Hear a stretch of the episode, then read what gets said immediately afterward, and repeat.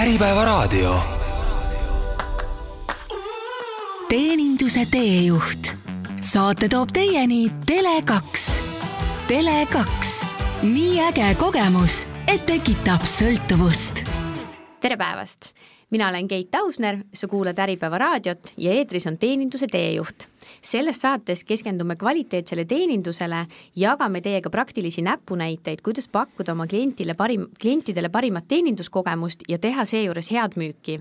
tänased saatekülalised on Tele2 ärikliendi müügidirektor Jürgen Jalakas, tere Jürgen! tere! ja No Monkey Business müügikoolitaja Rait Videvik, tere Rait! hei! No ma olen täna kutsunud eh, teid siia, et eh, rääkida natukene sellisest eh, võib-olla keerukamast müügist või noh, eks me jõuame siis täna selle arusaamisele, kas ja kui palju see keerulisem on, aga me hakkame siis rääkima ärikliendi müügist. Jürgen, räägi oma kogemuse najal, millised on sinu hinnangul peamised erinevused ärikliendi ja erakliendi müügi vahel? Tähendab, siin võib-olla tuleks, oleks hea lahti seletada raadiokuulajatele, mis need müügikanalid siis on ja kuidas nad käituvad. see, seetõttu, et erakliendis on ju tavapäraselt, ütleme, keskmises leibkonnas on umbes neli inimest, jah, seal on pluss-miinus, kellel on neid rohkem, kellel on vähem, aga see käitumise muster on siis üsna sarnane. nüüd, kui me aga liigume äri, äriklienti, siis ettevõtteid, kus on neli töötajat, jah, neid on omajagu, aga tegelikult see palett on olulisem kirju, oluliselt kirjum ehk siis kui ma, kui ma tulen näiteks telko maailmades, telko maailmasse, siis klassikaliselt on seal kolm äh, müügikanalit ärikliendi mõistes on siis äh, Soho, Small ja Home Office, ehk siis äh, erinevad ettevõtted defineerivad neid erinevalt, näiteks kellel on töötajate arv, kellel on käive, kellel on kapital, eks ole, ja, ja, ja sealt siis, kui me liigume edasi, on siis SME müügikanal, mis on siis Small ja Medium Enterprises, ehk siis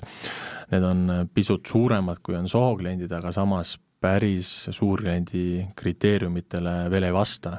ja kolmas müügikanal on siis äh, suurklient, kus kohas noh, võtame äh, piiriks näiteks sada pluss töötajat, meil on ettevõtteid, kus on ju, ju tuhat ja kaks tuhat ja kolm tuhat ja neli tuhat ja isegi rohkem töötajaid, võtame näiteks Eesti, Eesti Energia, siis äh, seal need müügimehaanikad ja müügimotoorika on hoopis teistsugune, väga palju tuleb tegemist ka erilahendustega, seal on need müügitsüklid on üsna pikad. Äh,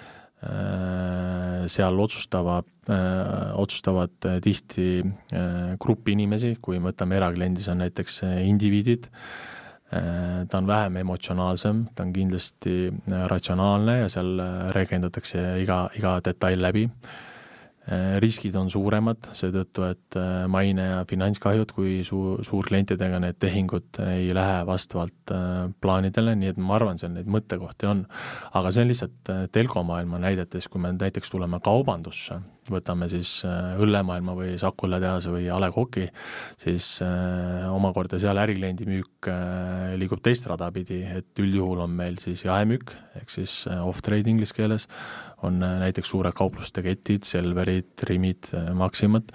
äh, võtame siis teise müügikanali on-trade ehk siis Horeca, baarid, pubid, restoranid, üritused, väga erinevad müügimehaanikad jaemüügi ja siis Horeca sektori vahel ja kolmas on siis äh, klassikaline eksport, ehk siis äh, riigist äh, väljapoole, nii et alati, kui me, kui me räägime nendest erinevustest ja käitumistest, siis ma ise isiklikult kaldun arvama, et hea on täpsustada, millist müügikanalist me räägime. ehk siis, kui me võtame nüüd jälle, tuleme tagasi telko maailma, siis era, kui keegi ütleb, et Soho, Soho müügikanal siis ärikliendis ja, ja eraklient käituvad väga sarnaselt, jah, vastab tõele, aga kuskile piirini, ehk siis kui näiteks Soho on defineeritud töötajate arvuga kuni kakskümmend töötajat, siis me ei saa öelda, et me, me saame küll öelda ja võib-olla ka neid peresid on, kus kohas on siis kakskümmend inimest seal leibkonnast, aga noh, see tõenäosus on pigem madal. ja seal juba need käitumismustrid ja vajadused kindlasti muutuvad, nii et äh, mina vaatan seda küll sellisel viisil. kust sinu kogemus selles valdkonnas tulnud on ja kus sa oma teadmised saanud oled? Ma arvan, äh, need teadmised on tulnud siis äh, aja jooksul äh, erinevates ettevõtetes töötades, et ma ise, ma ise olen seda vaada, vaadelnud siis selliselt, kui inimesed lähevad noored äh, poliitikasse ja, ja alustavad seal kuskil nooremates erakondades või noorematena niisugune noor nagu töötajad ja neid nimetatakse hiljem siis poliitbroileriteks, siis äh, minul on tõesti sellisel viisil juhtunud, et äh, väga noorelt ma läksin juba suurettevõtetesse tööle ja ma olen äh, olen sealt taustalt siis läbi põimunud äh, tervikuna kommertsist, kommertsi all siis ma pean silmas müük, äriarendus ja turundus ja sealhulgas ka finants, nii et nii et tegelikult äh, alustades Fatseris Saku õlletehasest, mille omanik on Carlsberg Grupp, töötades ka seal globaalsete projektidega ja, ja hiljem siis Elisas ja Tele2-s, et sa, sa te, teatud nagu mustreid kipud märkama ja sealhulgas ka, ka ka, et sa ju ise õpid kogu aeg juurde ja loed ja, ja oled ikkagi, ma arvan, selle teema fänn ja fanatt, siis need aja jooksul sul tulevad enda teadmised ja tekib ka enda käekiri, et ma arvan, et kõikidelt on midagi õppida ja midagi kõrva taha panna ja, ja muidugi aja jooksul tuleb ka enda nii-öelda ämbrid läbi kolistada, sest äh, nii lihtsalt kipub elus olema. no Rait, sina näed seda asja võib-olla natuke teistmoodi, sest et sina oled müügikoolitaja, on ju. räägi, mis koolitajana on äri- ja erakliendi müügi sellised suurimad erinevused? noh, ma arvan, kõigepealt tasub alati küsida, et miks, et kas ta üldse on erinev või miks ta peaks olema erinev. et äh, ma arvan, et siin ongi see, et kontekst äh, loeb nagu väga-väga palju et äh, mina erakliendina ostan perele Spotify ja siis ostan ärikliendina raamatupidamisprogrammi. mina teen otsuse, mis on vahet. et äh, pigem ongi toode, teenus, kanal, kus me müüme ja kellele me müüme, on see põhiline erinevus, kus need protsessid lähevad erinevaks ja nii edasi. et klient tegelikult on ju inimene mitte OÜ AS ei tee otsust mm. -hmm. su äh, koolitusettevõtte nimi on No Monkey Business. Äh, teised küll kuulajad ei näe, aga tal on selline pärdikutega pusa ka seljas, et äh, räägi, kust selline nimi? no nimi tuli, hakkasin kunagi blogi tegema, et ei viitsinud oma müügiinimestele kogu aeg ühte sama juttu kirjutada või rääkida, siis saatsin oma blogisse ja sealt tuligi, et noh, et see müügimaine on niisugune negatiivne, et müük on nagu paha, pähemäärimine ja ega ma nagu väga ei analüüsinud, siis tundus nagu hea vaste sellele, et ei mingit jama nagu, et no monkey business, et just, ja täna ma ka proovin ikkagi, et seda müüki positiivses võtmes ikkagi kuvada ja sellest rääkida sa natuke puudutasid ka seda, et, et sinu hinnangul päeva lõpuks ikkagi klient on klient, on ju, et on see siis eraklient või äriklient, et see inimene teeb seal taga selle otsuse, aga oma pikaajalise nüüd müügikoolituse kogemuselt, millised on sinu arust need levinumad vead, mida äriteeninduses tehakse? noh, ma ütlengi, et ega need vead tegelikult on ikkagi väga palju sarnased samamoodi, et kui me räägime teenindusest, et vähemalt minu jaoks niisugune viga on see, et me täidame tellimusi. ehk et klient tuleb, võtame Tele2 näite, mul on vaja kaks äh, numbrit juurde, siis tihti minnakse seda kiiruga täitma, mitte ei saada aru, miks kaks numbrit on vaja. Kas uusi töötajaid tuli juurde, uus esindus tehti lahti, mis iganes on, sest siis sa saad nagu uute mõtetega klienti aidata ka aga ma näen seda, et minnakse hästi kiiresti seda tellimust täitma ja loomulikult siis ei ole mingit vaud. et ma olen Selverisse, tahan saia, saan saia, kus see vau on. et pigem ongi, et kliendist aru saada, kliendi eest ette mõelda, sest sul on ju spetsialistina nii palju kogemust. sa oled näinud tuhandeid kliente, kuidas nemad on selle olukorra ära lahendanud et just see huvi tundmine tellimustel, et kui teeninduse vaates nagu hinnata. Jürgen, mis sinu arvamus on sellel teemal? Siinkohal äh, ma peaksin Raidiga nõustuma, et ähm, minu meelest on üks osa, on, on, on, on täpselt see, et tormatakse kiiresti seda siis tellimust nii-öelda täitma, aga vaadata seda laiemalt pilti ja ja ettevõtte poolt vaadates siis, kelle poole pöördutakse, tegelikult jäetakse tihti ära kasutamata ka lisamüügi võimalus. et justkui pannakse need klapid silma ette ja arvatakse, et ma teen hea, hea teeninduse, aga tegelikult ma ei sõlmi neid otsi kokku ära, et kui, kui tal on ju teatud mingisugune vajadus, jah, on ka erandeid, kui ongi vaja kiiret ja kaks numbrit ja see on, selles mõttes on okei okay aga, aga, aga jah, see lisamüügi võimalus. ja teisest küljest ka võib-olla päeva lõpuks ähm, inimene on inimene, nii nagu ka Rait enne mainis, et vahet ei ole, kas ta on eraklient või äriklient, et et mis siis vigu äh, tehakse, on see, et ei kuulata seda inimest lõpuni. et, et äh, tormatakse siis pea ees ja, ja ei leita seda terviklahendust ja või mida me ka tihtipeale näeme, eriti suuremate klientide juures, et need protsessid on aeglased. et see klient pöördub tal tegelikult, kui ta pöördub, tal on ju mingisugune mure või väljakutse, mida ta tahab siis teiega arutada ja saada ka sinna lahendust. aga tihti on majasisesed süsteemid on, on, on, meil on ka siis ette määratud ju protsessid, kuidas pead käituma, et need ei toeta seda kliendi kogemust. ja ma arvan, see on paljudes ettevõtetest äh, läbiv probleem, et kliendi kogemuse fookus ei ole niivõrd äh, paigas. ja mul on võib-olla sellest natukene mugav rääkida, sest me teeme uut strateegiat ja kliendi kogemusel on seal väga, väga tugev roll, aga, aga paratamatult ta selle nii eraklient või äriklient selle tunnetuse siiski saab, jah. Aga, aga tulles võib-olla ka ärikliendi mõistes jälle suuremate klientide juurde, et seal tegelikult äh, need probleemid on niivõrd komplekssed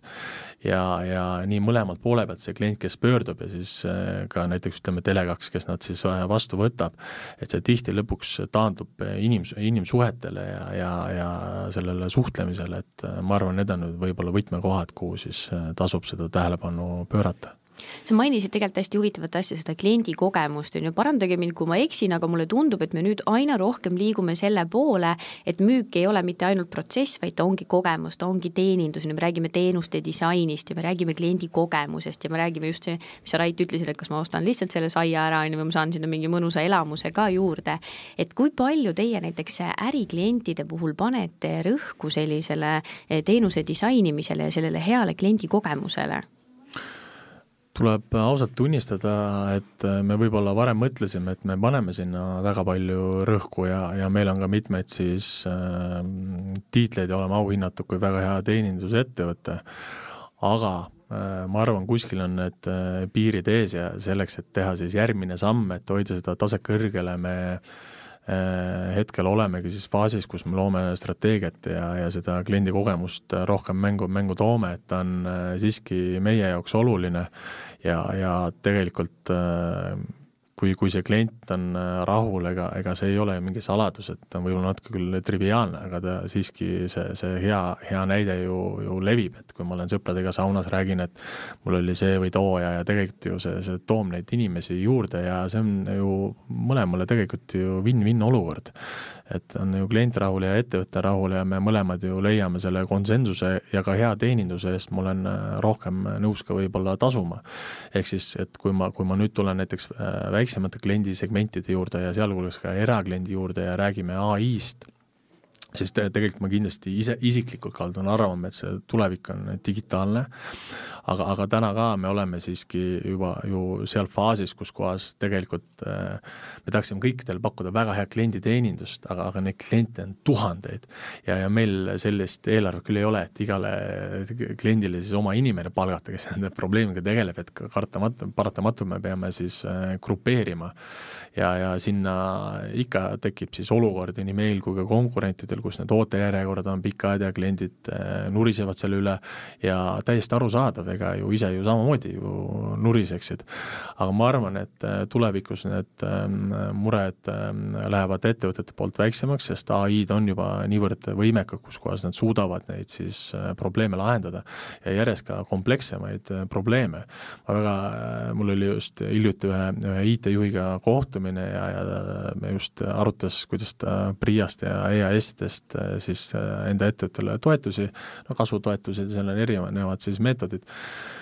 kuidas seda teha, et kui ta varasemalt äh, kirjutas neid äh, mitmeid kuid, neid projekte, siis ai-ga need noh, tähtajad on ikka kordades lühemaks läinud ja, ja ta kindlasti jõuab äh, klienditeenindusse ja ta on ka juba täna osaliselt jõudnud. ta lihtsalt meil Eestis ja paljudes riikides võib-olla niisugune juurutamise faasis, aga ükskord ta sealt äh, paisu tagant äh, välja saab. oskad sa tuua mingeid näiteid ka nagu või kuidas teie mõtted liiguvad, et milliseid töölõike ai näiteks ärikliendi halduses äh, saaks katta?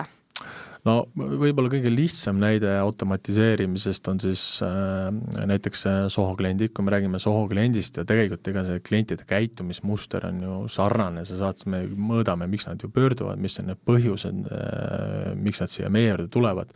siis väga tihti me näeme, et äh, sest see data jääb meil ju maha ja seda me analüüsime, et äh, väga suur hulk näiteks pöörduvad kuu alguses, ütlevad, et mis mul siin arvel siis see rida tähendab, miks mul näiteks krediidiga niimoodi, miks mul roomingu küsimused on sellised ja nii edasi, ja nii edasi, mis tegelikult võtavad selle inimressurssi siis kinni, sest inimene peab sellega tegelema, kuigi paralleelselt ta saaks tegeleda palju väärtuslikumate tegevustega, sest need on väheväärtuslikud äh, teemad ettevõtte jaoks, sest küsimused on ju, ju, ju sarnased. ehk siis äh, neid on võimalik küll automatiseerida, et ehk siis kui suhelda ja klient suhtleb meiega, et ta võib-olla isegi ei saa aru, et ai-ga näiteks suhtleb, eks ole, aga samal ajal inimene siis tegeleb hoopis äh, millegi muuga, müüb teisest küljest võib-olla mingit muud klienti üles, nii nagu me ennem just äh, rääkisime, ja saab paremat teenindust pakkuda, sest tal on rohkem aega ja ressurssi selle kliendiga tegeleda. et, et äh, ma arvan, ta siin sinna suunas äh, juba on täna, täna liikumas ja on see aja küsimus, kui ta paisu tagant välja saab sa mainisid, et teil on väljatöötamisel eh, uus strateegia. Eh, sinul on nüüd väga suure ettevõtte kogemus tegelikult Eesti mõistes, on ju, meil on kuulajate seas ka väga palju neid, kellel on väiksed ettevõtted, mitte võib-olla päris ühe mehe ettevõtted, aga ikkagi selline väikene nagu töötajate arv. kas sa oskad nendele kuulajatele anda natukene võib-olla sellist sisevaadet või mõtteainest sellele, et kuidas seda ärikliendi strateegiat välja mõelda, et millised need küsimused on, mis peaks enda jaoks läbi mõtlema, et see strateegia üldse sõnastada? Ma arvan, siin tegelikult äh, tuleks alustada sellest, mis on eesmärk. ja, ja eesmärk me teame, et peab olema ambitsioonikas, aga ka realistlik. et kui see eesmärk on siis äh, defineeritud, siis äh, klassikalises mõistes, mida mina alati ka küsin, kui me teeme tavapärase business case, on ju kolm küsimust, what, why and how inglise keeles, et et ma arvan, kui nendest lähtuda ja hakata tegelikult neid mõtteid paberile joonistama ja mina isiklikult äh, joonistan, mitte küll siis ähm, paberile, aga siis arvutisse, et et sul võib olla neid mõtteid sadu või neid äh, ikkagi tuhandeid seal enda, enda peas olemas, aga kui sa lõpuks need kirja paned, sa, sa ikkagi mingisugune reaalsustaju tekib ja tunneb ja sa saad seda jagada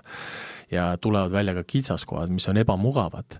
et kui ma lähen võib-olla sõbraga õhtul välja, siis ma räägin seda, et kui, kui vägev plaan see on, aga ma jätan need kitsaskohad mainimata, aga, aga tegelikult need kitsaskohad võivad tihti saada saatuslikuks, nii et äh, mina pigem alustaksin küll sellest, aga see on lihtsalt üks viis, ma arvan, neid viise on tänapäeval mitmeid ja see ma ei usu, et seal on õiget või valet, see sõltub väga palju, millises valdkonnas tegeleda, mis on need eesmärgid, kuhu liikuda, mida teeb see turg, aga järjest ma ütlen taaskord, et nende küsimustele suudab juba vastuseid anda ka ai, ai, mitte Jürgen Jalakas siin eetris, nii et võib-olla tasub kõigepealt sealt ka ennem uurida, et, et, et neid võimalusi on tõesti palju, see, see, see on väga-väga-väga kirju Rait, millised eh, sinu soovitused on ühe hea müügistrateegia kokkupanemiseks ja kas müügistrateegia peaks olema alati kirjaliku dokumendina või kuidagi olemas ka või elab müügistrateegiaga peas lihtsalt? noh, ma arvan, et see strateegia on nagu kihvt sõna, on ju, ja see võib natuke ära hirmutada, noh, tegelikult see on ju mingi list tegevusi et jõuda mingi eesmärgini. et, et kui sa tahad klienti aidata, noh, et pane ennast kliendi olukorda ja kuidas sul oleks mõnus kuidas sina tunneks, mis tegevusi sinuga peaks tegema? et eh, ennast panna kliendi rolli on, ma arvan, üks lihtsamaid asju ja väga mööda ei saa panna kas eh, seal strateegias peaks olema ka ära kirjeldatud niisugune nagu see teeninduse pool nii-öelda, et ma ei tea, kui tihti ma näiteks peale siis seda ma ei tea, müügilepingu sõlmimist hakkan oma kliendiga ühendust võtma, et kui tihti ma tema poole pöörduma peaksin? jaa, kindlasti mingisugused äh, võiks olla, aga jällegi, et eh, mida ma näen ettevõtetes, kus need on, siis tehaksegi neid linnukese pärast. Et mm meil oli kokkulepe, et il, iga kolme kuu tagant eh, suhtlen, aga kui sul ei ole mingit väärtust kliendile lisada, mitte mingit uut infot, sul ei tekkinud uut mõtet, kas ta iga kord on mõistlik, et jällegi, kui need asjad on, siis tasub alati ikkagi mõelda korraks, et äkki sellele kliendile ei pea, võib-olla enamustele saab, aga niisugust äh, mõtlemist müügiinimeste endi poolt ka äh, ma arvan, et võiks nagu võimendada ja lasta teha, et ma, ma, ma võib-olla siin äh, täpsustaksin ka vähemalt, mis mustrit mina olen näinud, kindlasti neid mustreid on ka veel, aga me väga palju, kui me räägime näiteks ärikliendi või erakliendi teeninduses, siis see ikkagi see inimeste mindset või see häälestamise küsimus, et, et kui ma töötan näiteks, ma olen haldur ja klient minu poole pöördub, siis siis saada sellest barjäärist üle, et, et, et ma olen ainult haldur. Mina isiklikult arvan, et ei ole, et, et, et äh, seal on võimalusi teha ja rohkem seda väärtust pakkuda ja sealhulgas ka seda lisamüüki teha. ehk siis ega, ega nii, nagu ka meil kõikidel inimestel need arved ja Euriborid ja intressid kasvavad, sama on ju ka ettevõtted on nende, nende väljakutsete ees, et, et selles mõttes ma arvan, see müügi osa ja see müügiroll on ikkagi oluline, aga see siis ei tähenda just seda, et ma nüüd hakkan nii agressiivselt kõikidele müüma, et ma muutun pealetükkivaks ja, ja, ja tüütuks, nii nagu Rait ütles ka, et ei ole vaja seda teha, et selleks, et see linnukene sinna kirja saada, vaid on ikkagi ähm, vaja teha seda seetõttu, et saada see hea kliendi kogemus. ja ma arvan, need äh, püsikliendid, kes need on, nemad ju tegelikult on, on, loovad kõige rohkem väärtust, pikaajalised kliendid, pikaajaline suhe, eks ole, ja neid siis meelde tuletada ja, ja, ja nendega suhelda seal ja väärtust pakkuda, mina isiklikult usun, et see on oluline me rääkisime saate esimeses pooles natuke sellisest teoreetilisemast pildist ja nüüd ma hea meelega läheksin teiega veidi äh, praktilisemast, praktilisemaks, sest üks hästi oluline koht, mis ärikliendi müügis on, on see müügikohtumistel käimine ja, ja inimestega kohtumine ja tegelikult sa oled ju ettevõtte esindaja, see, kuidas sa istud, astud, mis sul seljas on, see kõik annab ju edasi ettevõtte väärtusi. Rait, mis sina arvad, mis on sellise efektiivse müügikohtumise võti? Noh, ma arvan, kui sa sinna kohtumisele jõudsid, siis sa juba midagi tegid hästi. Aga võib-olla kõige tähtsam on see, et kui sa ikkagi veel klienti ei tunne, et ta on uus, et sa ikkagi lähed sinna pigem kuulama, mitte endast rääkima, meil on uus kontor ja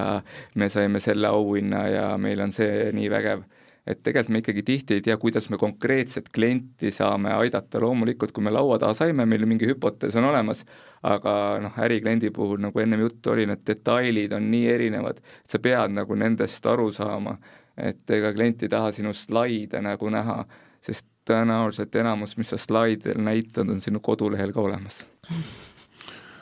Jah äh,, mina lähen siit saatest otse kliendi kohtumisele muideks. nii, ja kuidas oled ette valmistunud äh,? ma, tulen jälle selle juurde tagasi, et äh, mis on eesmärk, et äh, ma arvan, iga kohtumisel peab olema eesmärk, kuhu sa siis tahad jõuda ja kuidas sa sinna jõuad teine oluline asi, vähemalt minu, minu hinnangul, on ikkagi see ettevalmistus, et ma lähen sinna kohtumisele ettevalmistatuna, ma, ma tean, mida, mis meil teemad seal lauas on, kindlasti tuleb ka teemasid, milleks ei ole jõudnud ette valmistada, sest need tulevad siis äh, selle kohtumise käigus. ja, ja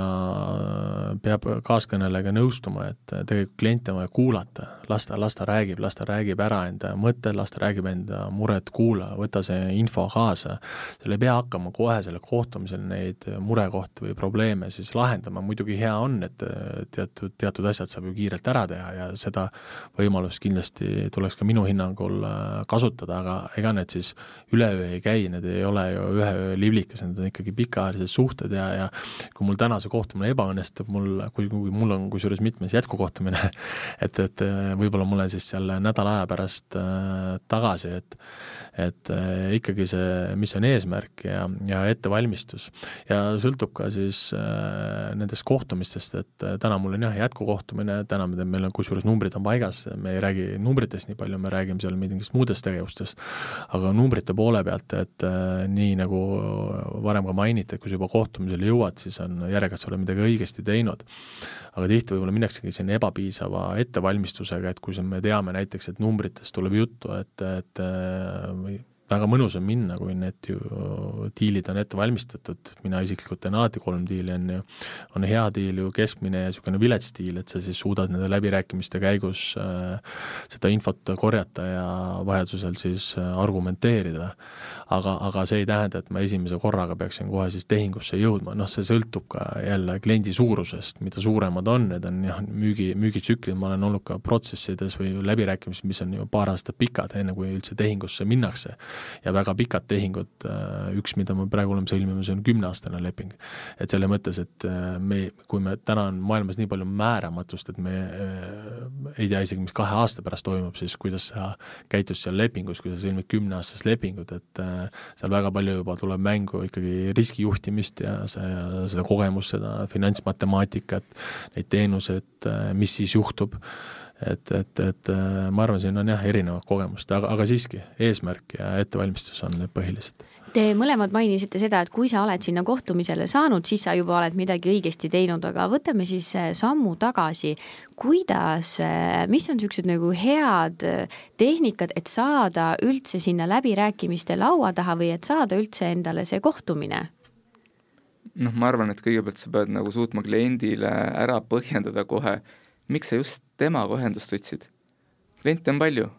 et sul peab olema mingi väga selge nagu asi, mis on kliendist lähtub, sa nägid, kliendi ettevõte areneb, nägid tema reklaami tänaval, ta sai mingi auhinna, sa leidsid mingi seose selle valdkonnaga, ehk klient tahab endast rääkida. et kui me läheme jälle, et ma olen sealt ja sealt, helistan sellest firmast, noh, siis meil tekib ju kohe müügiplokk.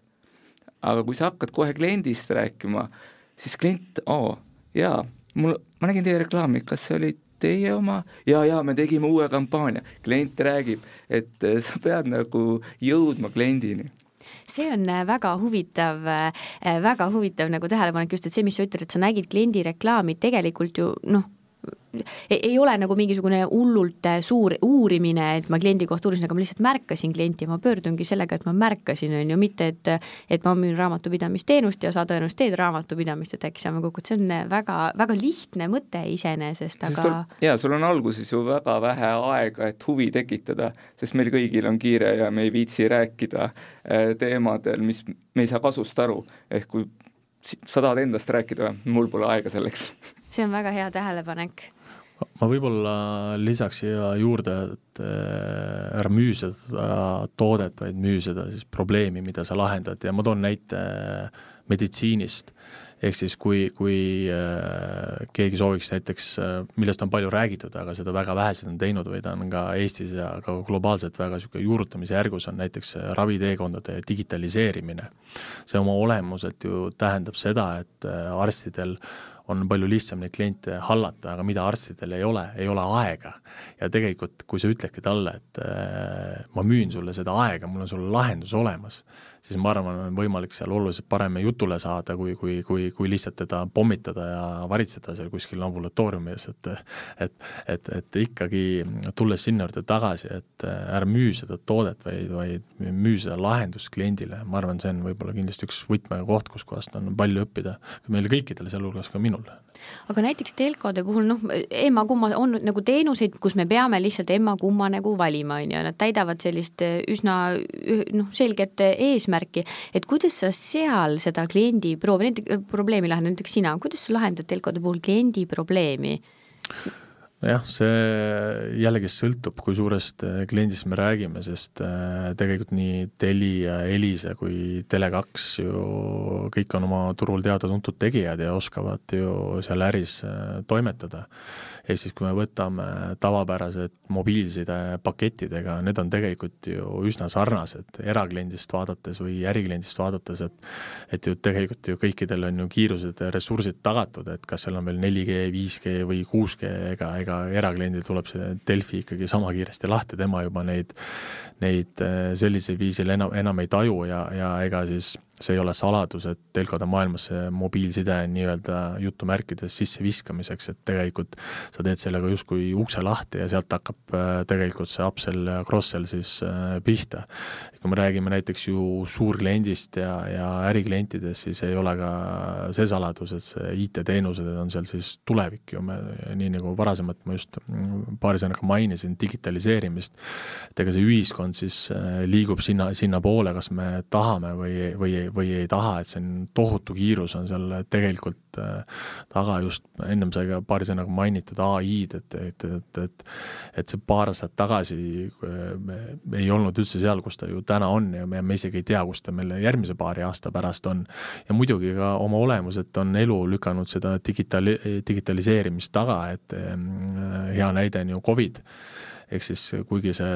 alle, alles oli ja tege-, tegelikult on, on ka praegu siis ju varasemalt,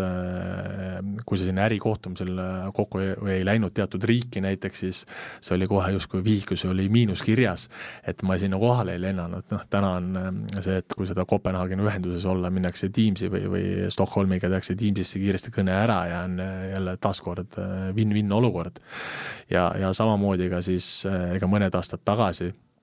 kui me rääkisime sellest, et äh, tuleme meditsiini juurde tagasi, mis on väga konservatiivne sektor, eriti võrreldes siis telkoga,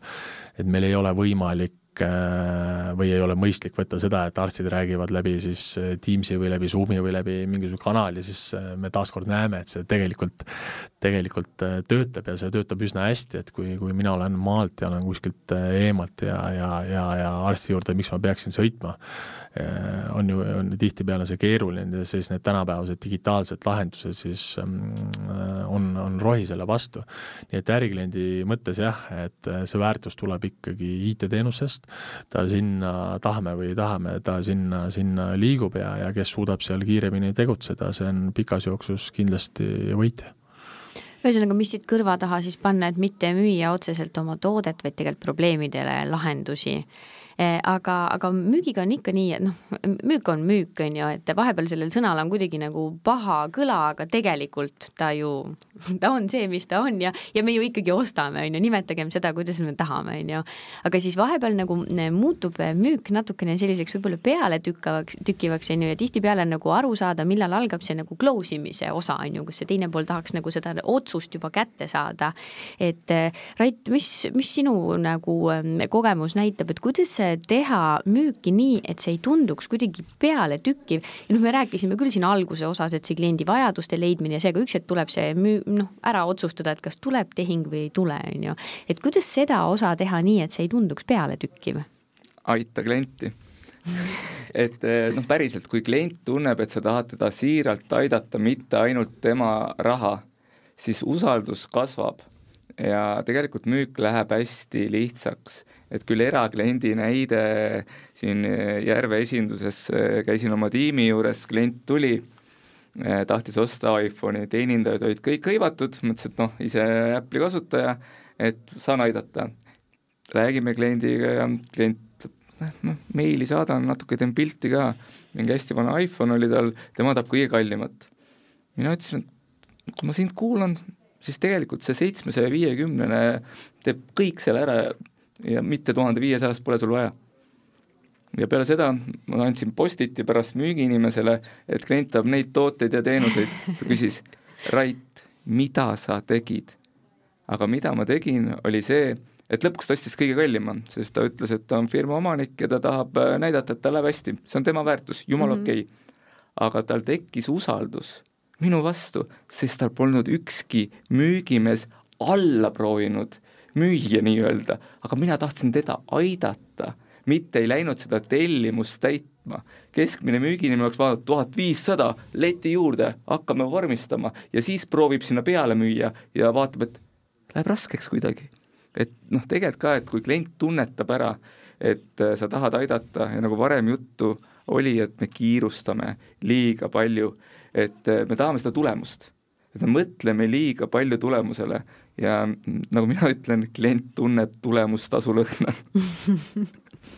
sa, eh, kuna sa seda Apple'it juba mainisid, on ju, siis sa tegelikult oled öelnud eh, ka, et, et Apple'i müük on eh, nagu hea müük ja Apple teeb hästi müüki. et mis sa selle all silmas pead või millised need müügitaktikad on, mida nemad siis kasutavad, mis on hea? no ma olen analüüsinud jah, nüüd Apple'i neid esitlusi, kus nad tulevad uute toodetega välja et kindlasti sealt saab nagu palju õppida, et näiteks äh, lugude jutustamine, et äh, põhimõtteliselt viimased äh, kõik tutvustused hakkavad täna neil mingi kliendi looga. Ja kus klient räägib, kuidas tema elu päästis Apple Watch. et just see emotsioon, et ärikliendis ka tegelikult me ostame lõpuks emotsiooniga ja põhjendame ratsionaalsuse ja funktsioonidega et, et see võib-olla, see lugude jutustamine, vahet ei ole era- või äriklient, et see on nagu väga-väga oluline. ja esitluse vaates kindlasti, et kui sa müüd hulgi nii-öelda kuskil seminaril, et Apple teeb minu arust väga hästi seda, et tal on kõik nagu versioonid äh, kaetud. Neil on pilti, neil on videot, neil on numbreid, neil on teksti, nad muudavad asukohti, nad muudavad inimesi, et sa viitsiks jälgida, et neil on see kombo nagu kokku kui nad teevad hulgimüüki ja iga klient tarbib natuke erinevat infot. seal on ajakirjanikud, kes tahavad võib-olla seda datat, seal on äh, minusugused, kes tahavad seda, äh, mis nüüd ägedat on, on ju, et äh, see pool on neil, ma arvan, nagu väga hea. Jah, tuleb kõnelega nõustuda, aga, aga tulles selle emotsiooni juurde ka, siis ma arvan, seda isegi tehakse Eestis et, et äh, väga paljudes poodides ju kasutatakse samamoodi, on ju muusika või, või lõhn ja need näidised, see, see teekond, need planogrammid, ehk siis kuidas see kaup on sinna paigutatud, kõik on ju, ju, ju tehakse seetõttu, et äh, kliendid ju tarbiksid rohkem, ehk siis äh, sa võib-olla ei peagi nii aktiivne müügimees seal kõrval olema, aga, aga see teekond on sinu ette rajatud, väga hea näide on IKEA ma olen ju kauplusest algusest sisse ja ma mõtlen, ma mitte midagi ei osta, aga ma lõpuks tulen välja ikka seal kahe käruga. et, et äh, selliseid näiteid on ja ka, ja ka äh, näiteks kui rääkida kaubandusest, ega siis need planogrammid on töötatud välja väga spetsiifilised, planogramm on siis äh, riiulite asetus, et kus kohas on nii-öelda golden triangle või diamond approach, kus sul silmad suunavad, kus kohas sa keskmiselt vaatad, palju sul pea kaldu on, kuidas ma liigun, mis on need hotspot'id, kus kohas ma tegelikult tegelikult sooritan neid osta rohkem. Samamoodi tehakse ka, kui ma tulen korraks õllemaailma tagasi, et kõrtsid või pubid, kus kohas siis ma tean, Carlsberg omal ajal me seda juurutasime, et on tegelikult ära mõõdetud, et kuidas isegi õlled peavad, mis leheküljel olema menüüs ja kus poole peal, sest on, tehakse eye tracking siis kaameratega ja jälgitakse, kus kohas ta on, mis siis müüb, kui seal oled juba võib-olla kaks õlut näiteks ära joonud, kus kohas sul õllevaadikraanid peavad paiknema, kus kohas on tõenäosus suurem, et sa ostad, et seal tegelikult on päris suur matemaatika taga. et sa tegelikult arvad, et äh, ma ise otsustan kõik enda asjad ja saan sealt emotsiooni, siis äh, kaupmehed või ärimehed on piisavalt nutikad, et väga paljud otsused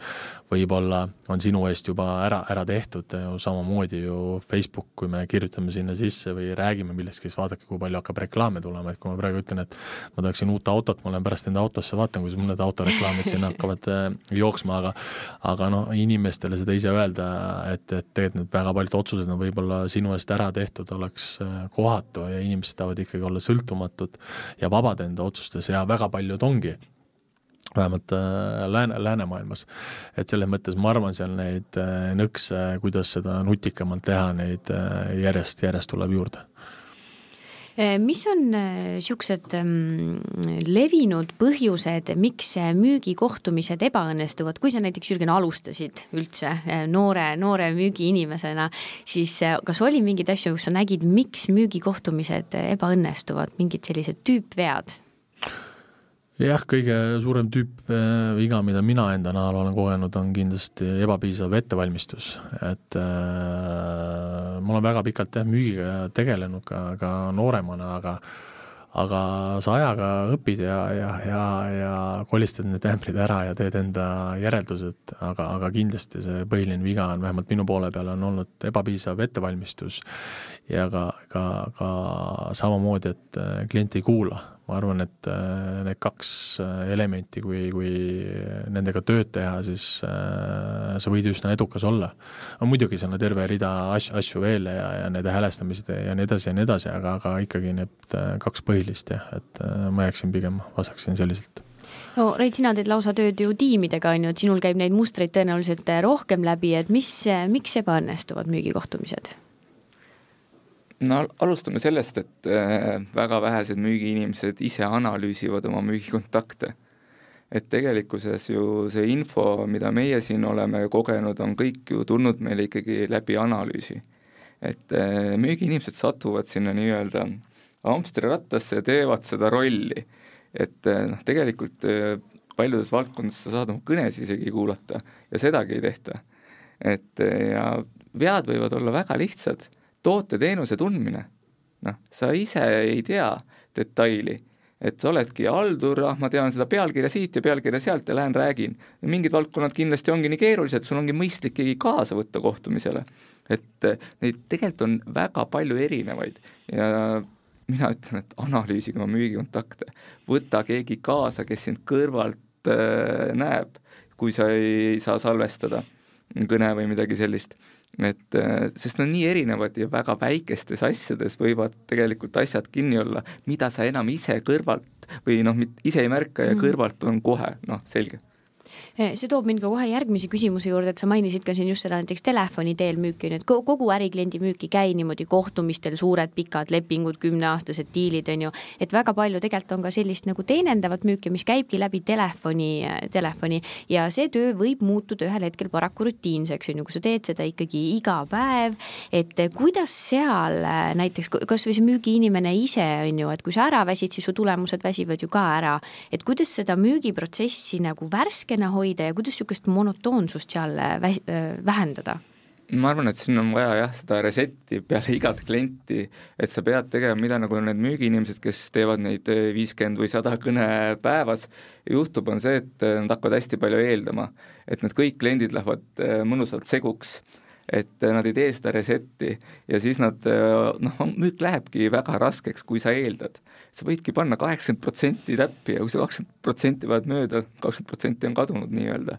et see res-, reset, et kuidas võtta laema, see on, klient on erinev, klient on erinev, et seda oleks vaja natukene harjutada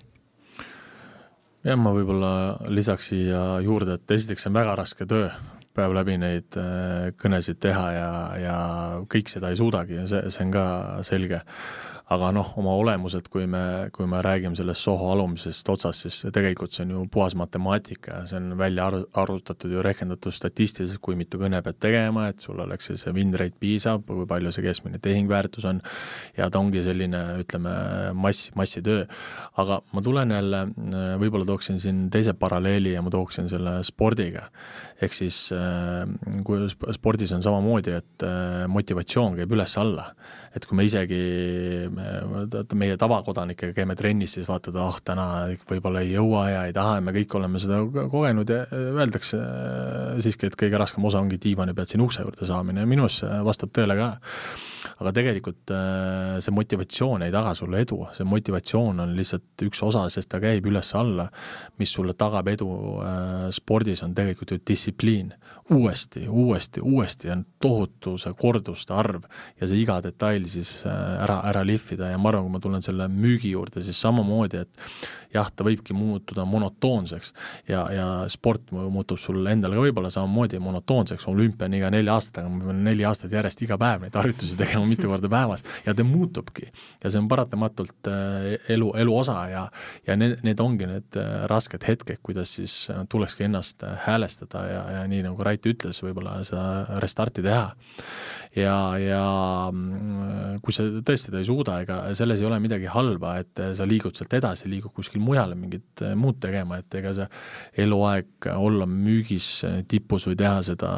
näiteks me rääkisime praegu telefonimüügist, seda väga, väga rasket ja tänuväärset tööd ongi, ongi keeruline ja vastab, vastab tõele, et selles mõttes ma kirjutan alla, jah sa ütlesid praegu tegelikult ühe ülimotiveeriva asja, et kõik inimesed ei suudagi seda teha, seda eh, müüki telefoni teel, nii et need, kes seda täna juba teevad, tegelikult eristuvad teistest puhtalt sellepärast, et nad suudavad sellist asja teha aga me oleme jõudnud oma tänase teeninduse teejuhiga ühele poole. Eh, suur aitäh tänastele saatekülalistele, Tele2 ärikliendi müür, müügidirektor Jürgen Jalakas, aitäh sulle, Jürgen! Ja lisaks siis meiega koos No Monkey Business müügikoolitaja Rait Videvik, aitäh sulle ka, Rait! Eh, kui te liitusite nüüd saatega siin lõpuosas, siis olge muret, et see saade on järelkuulatav ka, et saate seda järgi kuulata siis veebilehel kaubandus.ee. mina olen saatejuht Keit Ausner, aitäh teile ja järgmise korrani!